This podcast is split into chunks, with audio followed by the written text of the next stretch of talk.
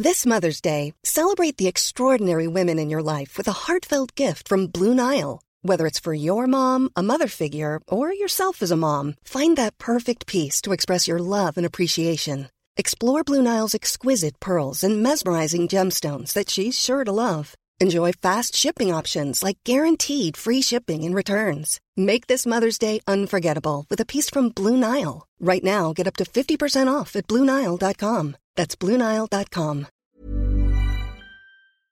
Hej och välkomna till Mardrömmarnas podd. I detta avsnittet så kommer vi berätta om kvinnor som mördat. Det är ju ett väldigt speciellt ämne då ordet mördare sällan kopplas till kvinnor. Och det finns faktiskt väldigt stora skillnader mellan kvinnliga och manliga mördare. Men innan vi går in på det så vill jag bara påminna er om att följa oss på Instagram där vi heter Mardrömmarnas podd och på Facebook där vi heter Mardrömmarnas podd för att få uppdateringar kring kommande avsnitt. I Sverige så har vi överlag väldigt få mordfall men av de som sker så är förövaren nio av tio fall man. Då det är vanligare att män är förövaren har det inte forskats jättemycket på vad som utmärker en kvinnlig mördare. Däremot så kan man tydligt se att kvinnor ofta mördar i nära relationer, gärna i sitt eget hem. Dock så kan man se en ökning av kvinnliga mördare om man bara ser till de fallen där barn har fallit offer. Men den allra största skillnaden mellan män och kvinnor är deras motiv. De män i de allra flesta fall drivs av sexlust. De känner ett behov av att mörda och gör det oftast impulsivt. Kvinnor däremot mördar ofta för hämnd eller för att dra nytta av mordet. såsom ett arv till exempel. Kvinnor däremot mördar ofta för hämnd eller för att dra nytta av mordet, såsom ett arv till exempel. Självklart är det mycket mer komplext än så här. Men det är en överblick av skillnaden mellan kvinnliga och manliga mördare. Innan vi går in på den första berättelsen så vill jag varna känsliga lyssnare då det vi kommer berätta om idag innehåller brutala händelser och även innehåller våld mot barn. Men nu tycker jag att vi kör igång med dagens avsnitt med Julias första kvinnliga mördare.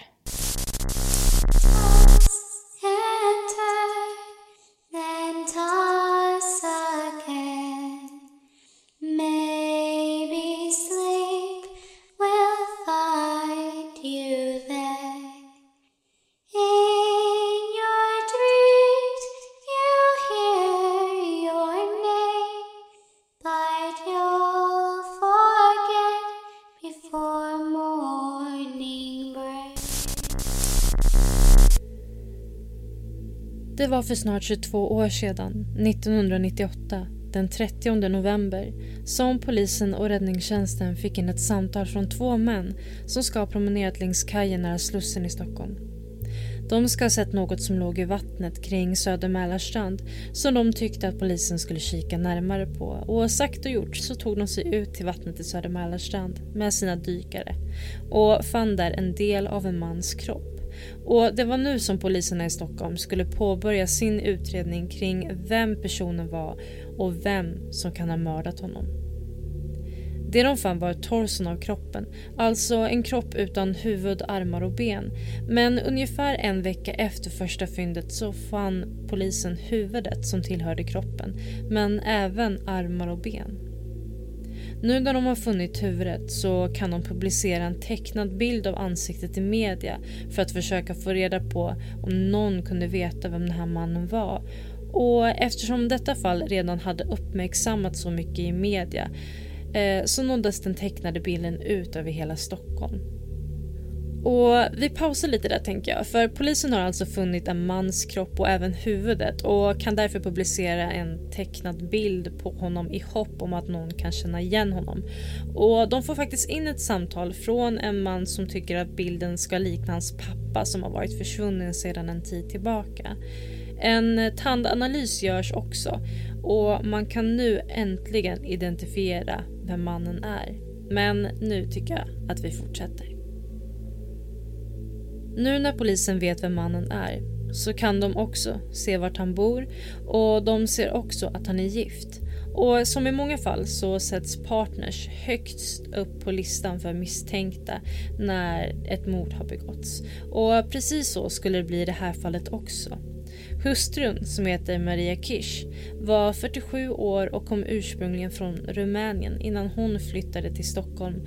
Och hon bodde ju i samma lägenhet som den avlidna mannen i förortsområdet Bandhagen. Polisen söker upp kvinnan och söker även igenom boendet hon och den avlidne mannen ska ha bott i. Men finner en kliniskt städad lägenhet. Dock så fann de DNA och hårstrån i ugnen efter mannens huvud. Och i samma veva så blir poliserna mer och mer säkra på att det just är Maria Kish som ska ha utfört mordet på sin make. Och jag tänker att vi pausar lite där igen. För just nu så har ju poliserna riktat sina misstankar mot Maria, hustrun till den avlidna mannen. Och med tanke på de skador som polisen ska ha funnit på huvudet när de fann det i vattnet så ska det visat sig att den hade brännskador som kan ha kommit ifrån något som en ugn. Och Marias och den avlidne mannens lägenhet så finner de också just DNA och hår från huvudet. I detta nu så vill ju poliserna häkta Maria men hon ska ha flytt utomlands vid denna tidpunkten. Men nu tycker jag att vi fortsätter. Maria ska alltså flytta utomlands, något som ökar misstankarna mot henne. Men bara två veckor senare så ska polisen få in ett tips om att hon ska ha synts till vid en tunnelbanestation, nämligen i Högdalen, endast en hållplats ifrån Bandhagen.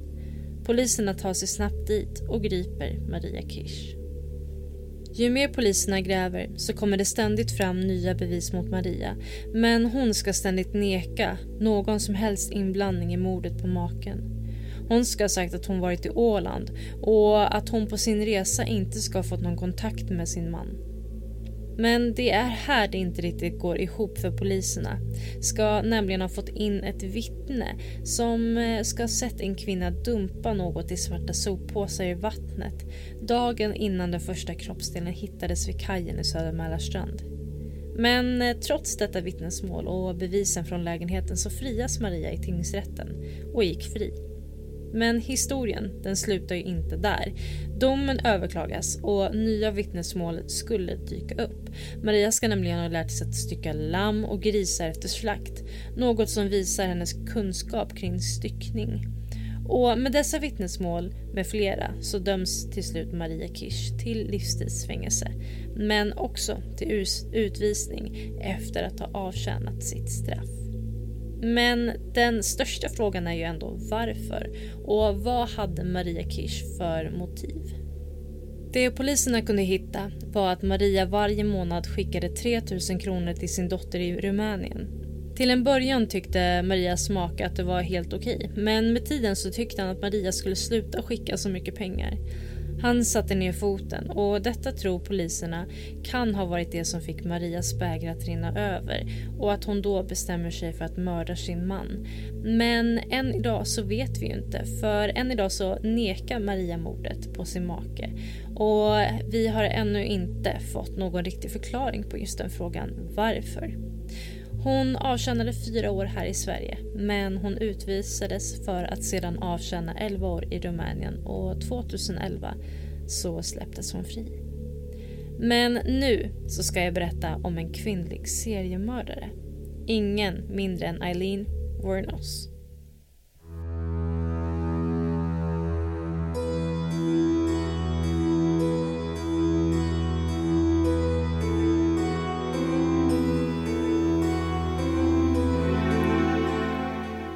Den 29 februari 1956 så föds Eileen. Hon och hennes storebror bor ihop med sin mamma. Deras pappa fanns inte med i bilden för han hade nämligen diagnostiserats med schizofreni och skulle några år senare gripas för sexbrott mot barn.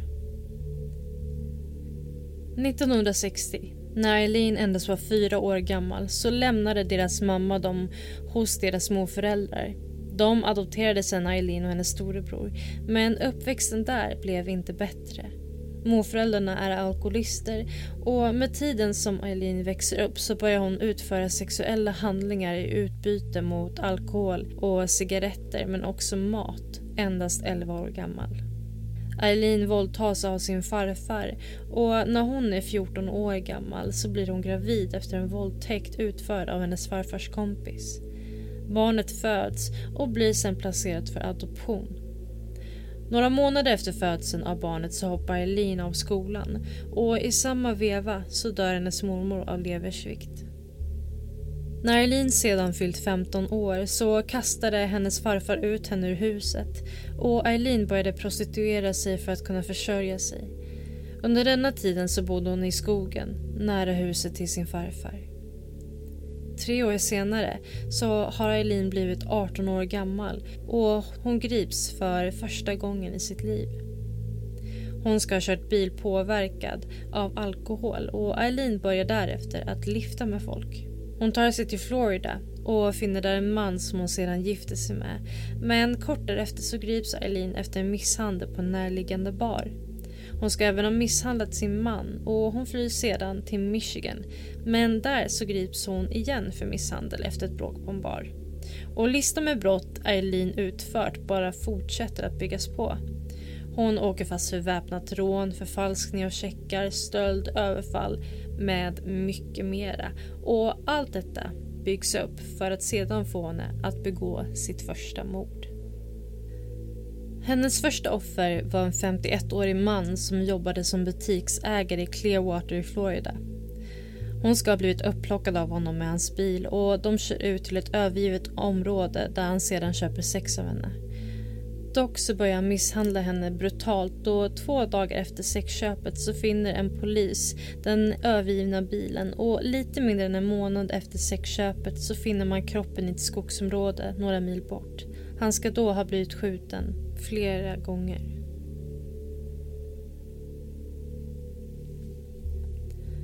Eileens andra offer var en 47-årig byggnadsarbetare.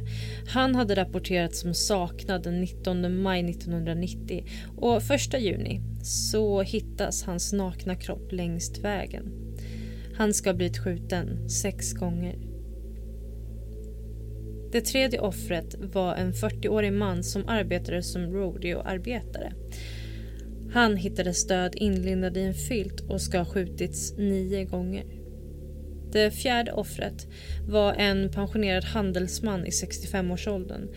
Hans kropp har aldrig hittats men Eileen har i senare skede berättat att hon ska ha mördat honom. Det femte offret var en 50-årig korvförsäljare. Han rapporterades som saknad och bara några dagar senare så finner man hans kropp i ett skogsområde. Han ska ha blivit skjuten två gånger.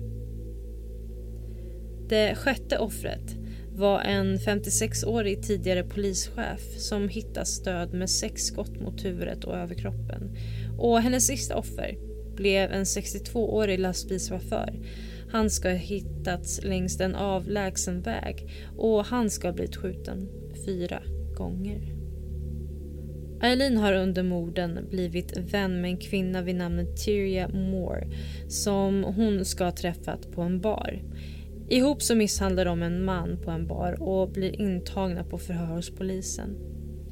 Kort därefter så ska kvinnorna hamna i en olycka med en bil som Eileen ska ha tagit ifrån en av männen hon har mördat. Och vittnen ringer polisen då de smet från olyckan och uppgav regnumret. Polisen kunde då se att bilen tillhörde en av de döda männen som hittats och bestämmer sig för att kika närmare på det. Vittnen ska ha känt igen Eileen och berättat detta för polisen. Polisen kollar fingeravtryck från tidigare offrets bilar och märker att alla dessa tillhör en och samma kvinna, nämligen Eileen. Eileen grips sen av polisen på en bar och hennes vän Tyria Moore grips dagen efter men går med på att få Eileen att erkänna mordet eh, om hon får immunitet mot åtal. Hon ringer Eileen och efter många samtal så erkänner till slut Eileen att hon har mördat dem i självförsvar. Eileen döms sen och får totalt sex dödsdomar. Hon hävdade i början att allt var i självförsvar men med tiden så ville hon, som hon ska själv ha sagt, komma rätt med Gud. Men i sin sista intervju med en Nick Broomfield så ska hon ha sagt att det ändå var i självförsvar. 2002, den 9 oktober, så avrättas Eileen. Hon valde att avböja sin sista måltid och ville endast ha en kopp kaffe. Och hennes sista ord ska ha varit “Jag kommer tillbaka”. Om ni skulle vilja se en dokumentär om just Eileen och hennes eh, fall så skulle jag vilja tipsa er om Eileen Life and Death of a Serial Killer. Men det var nog allt från mig. Nu vill jag lyssna på Alisas berättelser när hon ska berätta om två andra kvinnor som ska ha mördat.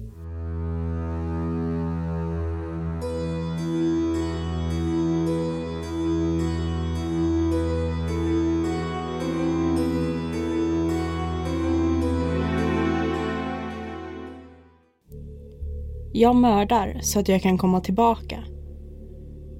Detta kunde man läsa på en slarvigt handskriven lapp som polisen hittat nära mordplatsen av en fyraårig pojke vid namn Martin Brown i Scotswood, Newcastle i nordöstra England den 24 maj 1968.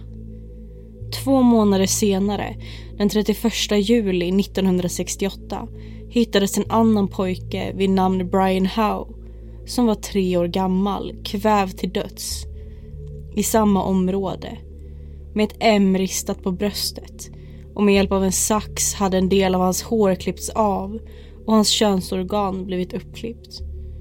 Samhället letade i panik efter gärningsmannen och polisen började förhöra barn i området.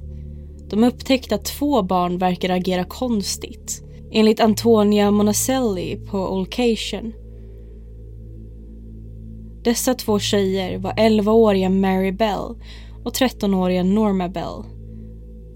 Trots deras efternamn så var de inte släkt. Enligt Antonia verkade Norma vara upphetsad över mordet under hela förhöret och fortsatte att le vid tal om morden som om det var ett stort skämt. Och Mary blev väldigt undvikande under polisens förhör. Mary skulle sen bli den som fortsatte att agera konstigt. Under förhören hävdade hon att hon sett en åttaårig pojke med Brian dagen han mördades. Mary sa att hon såg den åttaåriga pojken tillsammans med Brian lekandes med saxar. Problemet var att den pojken de nämnde var på flygplatsen under tidsramen för Brians mord och informationen om att en sax hade hittats på mordplatsen var inte allmänt känt. Och enligt Antonia hade Mary beskrivit väldigt detaljerad fakta om mordet och om vad som hade hänt utan att erkänna något. Den dagen Brian begravdes stod Mary utanför pojkens hem och såg skrattandes och gnuggande med händerna. Detektiven som såg detta bestämde sig för att fråga Norma om mordet på Brian som då avslöjade mycket information om mordet som de inte hade fått veta tidigare.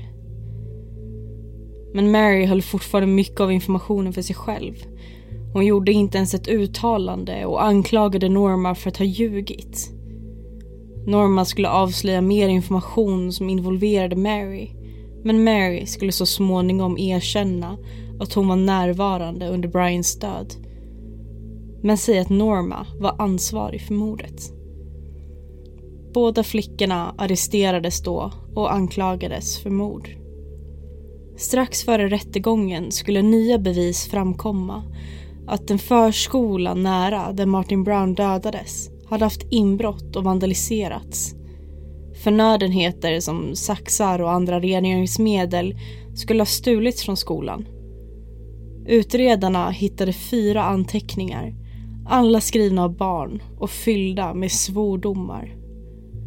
På en stod det “Vi mördade Martin Brown”. På en annan stod det “Jag mördar så att jag kan komma tillbaka”. Polisen antog vid den tiden fortfarande att mordet var en olycka men de hörde också vittnesmål från andra barn om att Mary skrek “Jag är en mördare” och pekade på Brian House hem och sa “Det var där jag dödade”. Hon skulle säga till kvinnliga vakter när hon väntade på rättegång att Jag gillar att skada saker som inte kan skada tillbaka. Det avslöjades att Mary var den enda gärningsmannen. Även om både Norma och Mary var inblandade i Brians död. Medan de båda skulle skylla på varandra återvände de till brottsplatsen för att stympa Brians kropp med ett M. Den 17 december 1968 fälldes domen. Norma skulle frias för alla anklagelser medan Mary dömdes för mordet. Hon skulle tjäna under en dom av häktad efter hennes majestäts nöje som vid den tiden var en obestämd fängelsestraff.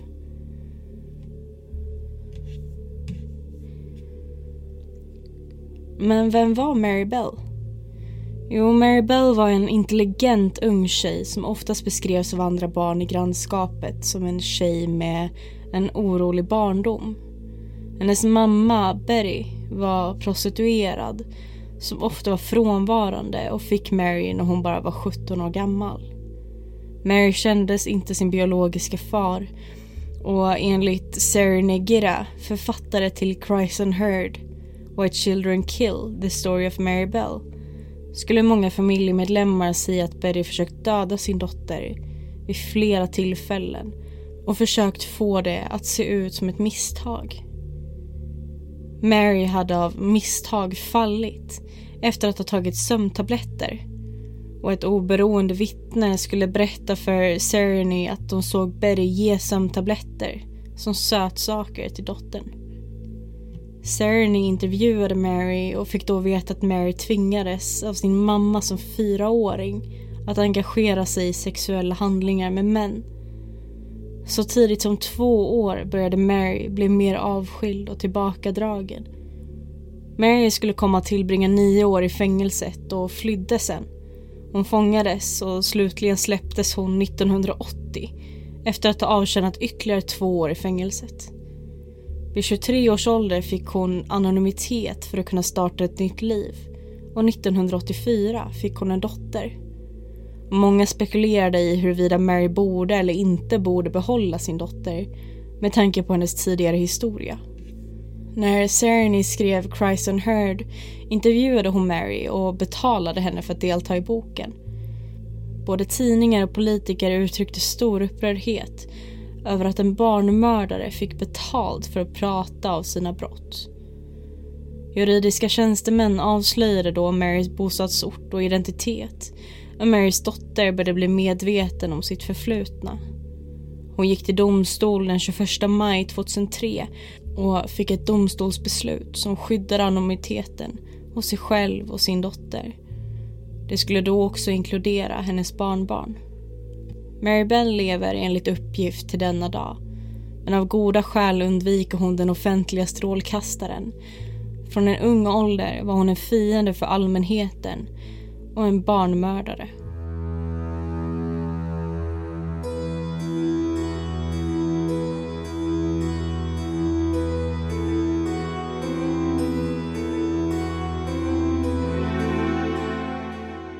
Man som fixade i sin trädgård 1902 grävde upp skelettrester. Chockerad meddelade han de lokala myndigheterna och vad mannen hade hittat var rester av fem spädbarn som mördats. Varje barn hade kvävts med vita snören. Insvept i något slags material. Strötts med kalk för att minska lukten av förfall och sen begravits. När utredarna försökte identifiera de döda barnen insåg de att mannen nu bodde i tidigare ökända babymördares hus. Amelia Elizabeth Dyer dödade upp till 400 barn under flera decennier och skulle bli Storbritanniens mest kända babybonde. Amelia föddes i den lilla staden Pile Marsh i England nära Bristol. Antingen 1837 eller 1838. Hon blev den yngsta av sju barn efter att hennes två yngre systrar dog. Hennes far var en populär skomakare och kunde troligen ge sin familj ett enkelt men ändå bekvämt liv. Amelias mor led av psykisk ohälsa och familjemedlemmar rapporterade efter att hon återhämtat sig från tyfus. En bakteriell infektion som sprids av loppor och löss började hon få våldsamma utbrott som varade i flera dagar. Två år före sin mors död började Amelia som lärling hos en korsettillverkare i Bristol. På något sätt gled Amelia ifrån sin familj. När hennes far dog 1859 var Amelia cirka 22 år gammal och hennes äldsta bror ärvde familjeföretaget. Utan något ekonomiskt stöd från hennes familj och inget lagligt sätt att göra anspråk på någon av verksamheten gifte sig Amelia med en man som var betydligt äldre än henne. George Thomas var 59 år men ljög om sin ålder och uppgav att han var 45. Och Amelia, som också ljög om sin ålder, uppgav att hon var 30 istället för 24. Under äktenskapet hade Amelia åtminstone ett barn. En dotter som förblev henne nära och även arbetade med henne senare i livet. Som gift kvinna utbildade sig Amelia till sjuksköterska och barnmorska. Under sina studier träffade Amelia en kvinna som introducerade henne till en värld av något man kallar för baby farming. Det var möjligt för barnmorskor att tjäna pengar på de olyckliga omständigheterna hos ensamstående kvinnor som var gravida. Under en kort tid drev Amelia sitt eget pensionat för gravida ogifta kvinnor och efter att Amelia hjälpte kvinnorna med förlossningen av sina spädbarn betalade de henne för att ta hand om sina nyfödda. Vissa kvinnor lämnar pensionatet utan att bry sig om vad som hände med deras oönskade barn medan andra skrev till Amelia, som sällan svarade. Medan hon upprätthöll sin karriär som sjuksköterska, barnmorska och babybonde led Amelia av psykiska sammanbrott och självmordstankar. Det fanns misstankar om att Amelia förfalskade sina psykiska sjukdomar eftersom hon tycktes drabbas av psykiska nedbrytningar när människor blev misstänksamma mot antalet barn som dog i hennes vård. Oavsett gjorde hon en allvarligt självmordsförsök. Hon konsumerade två flaskor med en kombination morfin och koedin som smakade extremt bittert. Men hon lyckades inte. År av extrem alkoholkonsumtion och opiumanvändning hade fått henne att bygga upp en tolerans. Barnodling hade använts i England under många århundraden. För rika kvinnor var det helt acceptabelt att skicka sina spädbarn till en sjuksköterska som skulle ta hand om spädbarnet tills de blev småbarn. Fattiga kvinnor eller arbetarkvinnor som blev gravida hade mycket liten möjlighet att återuppnå någon form av ekonomisk stabilitet om de inte var gifta. I den viktorianska eran så var det värre att ha ett barn utanför äktenskapet än att mörda någon. Babybönder gav en utflykt för sådana kvinnor. Babybönder gav en undanflykt för sådana kvinnor. Kvinnorna i trubbel skulle placera en annons i en tidning som söker ett kärleksfullt par att adoptera sitt barn.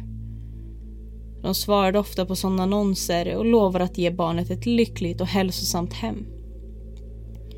Ibland skulle situationen vara tillfällig medan andra gången ansågs det vara ett permanent arrangemang. Samhällsnormer och undvikande av regeringen skapade en värld där Amelia skulle blomstra som babybonde och mördare. Amelia var på jakt efter annonser och desperata kvinnor som ville ge bort sina barn. Hon kontaktade mammorna och erbjöd sig att ta barnet mot en avgift på mellan 10 och 5 pund. Amelia godkände en avbetalningsplan eller en fullbetalning innan hon tog barnet. Och när tekniken började förändras så accepterade hon också banköverföringar eller kontanter som skickas via posten. Kvinnor som skrev brev till Amelia och sökte information om sina barn eller ville ha tillbaka dem fick sällan svar. Och när Amelia tog ett barn i sin besittning var det hennes tills hon mördade det. I redan överfulla städer var det relativt enkelt för Amelia att bedriva sina verksamheter med barnen med liten misstanke. Eftersom fattigdomen var utbredd i England gick många hungriga och spädbarnsdödligheten var mycket hög. När en bebis dog kan deras dödsorsak läsa svaghet från födseln eller brist på bröstmjölk. Medan rika kvinnor kunde skicka sina barn till sjuksköterskor litade fattiga ensamstående kvinnor på babybönderna.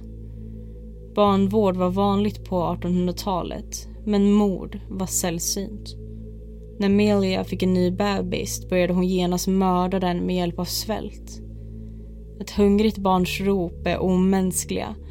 För att dölja skriken använde hon Godfrey's Cordial, känd som Mother's Friend. Det var en blandning av sirap och opium och när Dyer gav barnen elixiret förblev de lugna. Så när de svälte ihjäl, vilket tog tid, gjorde de inte utan att göra mycket krångel. När barnet var dött kontaktade Dyer en läkare för att undersöka barnet, förklara det dött och ta bort kroppen. Om en läkare blev misstänksam mot antalet barn som dog i Amelias vård flyttade hon helt enkelt till en ny stad eller fick ett psykiskt sammanbrott och flyttade in i ett mentalsjukhus för en stund. År 1879 blev en läkare som Amelia uppmanade att intyga ett barns död misstänksam. Efter en utredning avtjänade Amelia sex månaders hårt arbete. Fångar som dömts med hårt arbete utförde vanligtvis manuella uppgifter under hela sin vakningstid. Uppgifterna kan innefatta att arbeta i en fängelseverkstad, fängelsegård eller helt enkelt att flytta stenar från en hög och skapa en ny hög. När Amelia avslutade sin straff släpptes återupptog hon sin karriär som sjuksköterska och babybonde. Med en större förändring. Hon skulle inte längre meddela en läkare att ta bort liket. Från 1880 avyttrade Amelia Dyer kropparna hos de barn som hon dödade vilket gjorde henne till en produktiv seriemördare. Inom några timmar efter att ha förvärvat ett nytt spädbarn slog hon ett vitt band runt halsen. Döden var inte omedelbar. Enligt sin egen bekännelse uppgav Amelia att hon gillade att titta på dem med snöret runt nacken medan de kipade efter luft.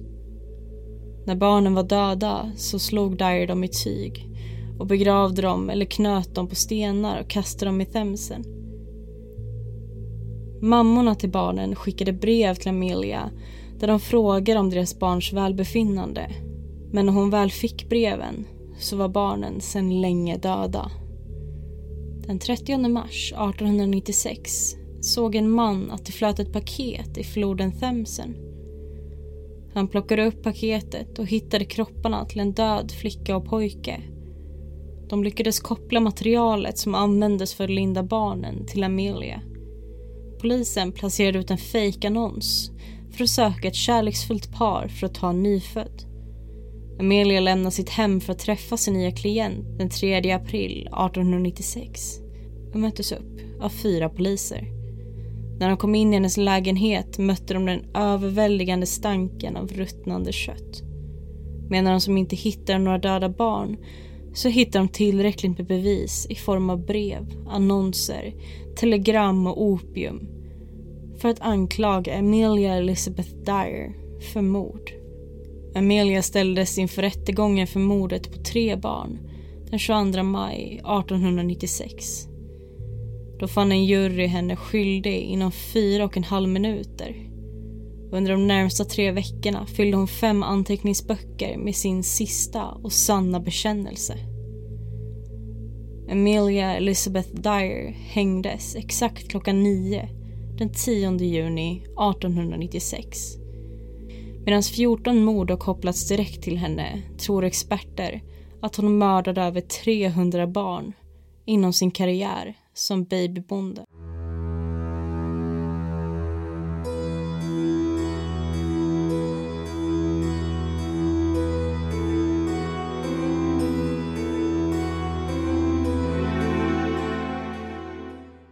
Men det var allt för detta avsnittet. Glöm inte att gå in och följa vår Instagram där vi heter Mardrömmarnas podd för att få info kring kommande avsnitt med mera. Men ha det så bra så ses vi i Mardrömmarnas värld.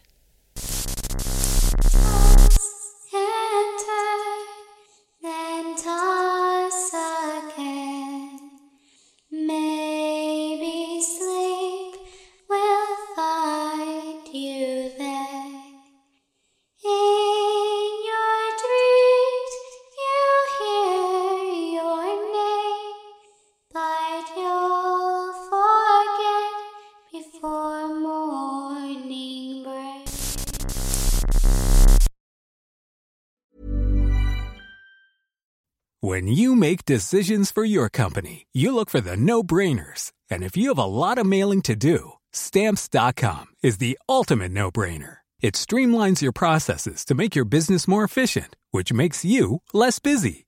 Mail checks, invoices, legal documents, and everything you need to keep your business running with stamps.com.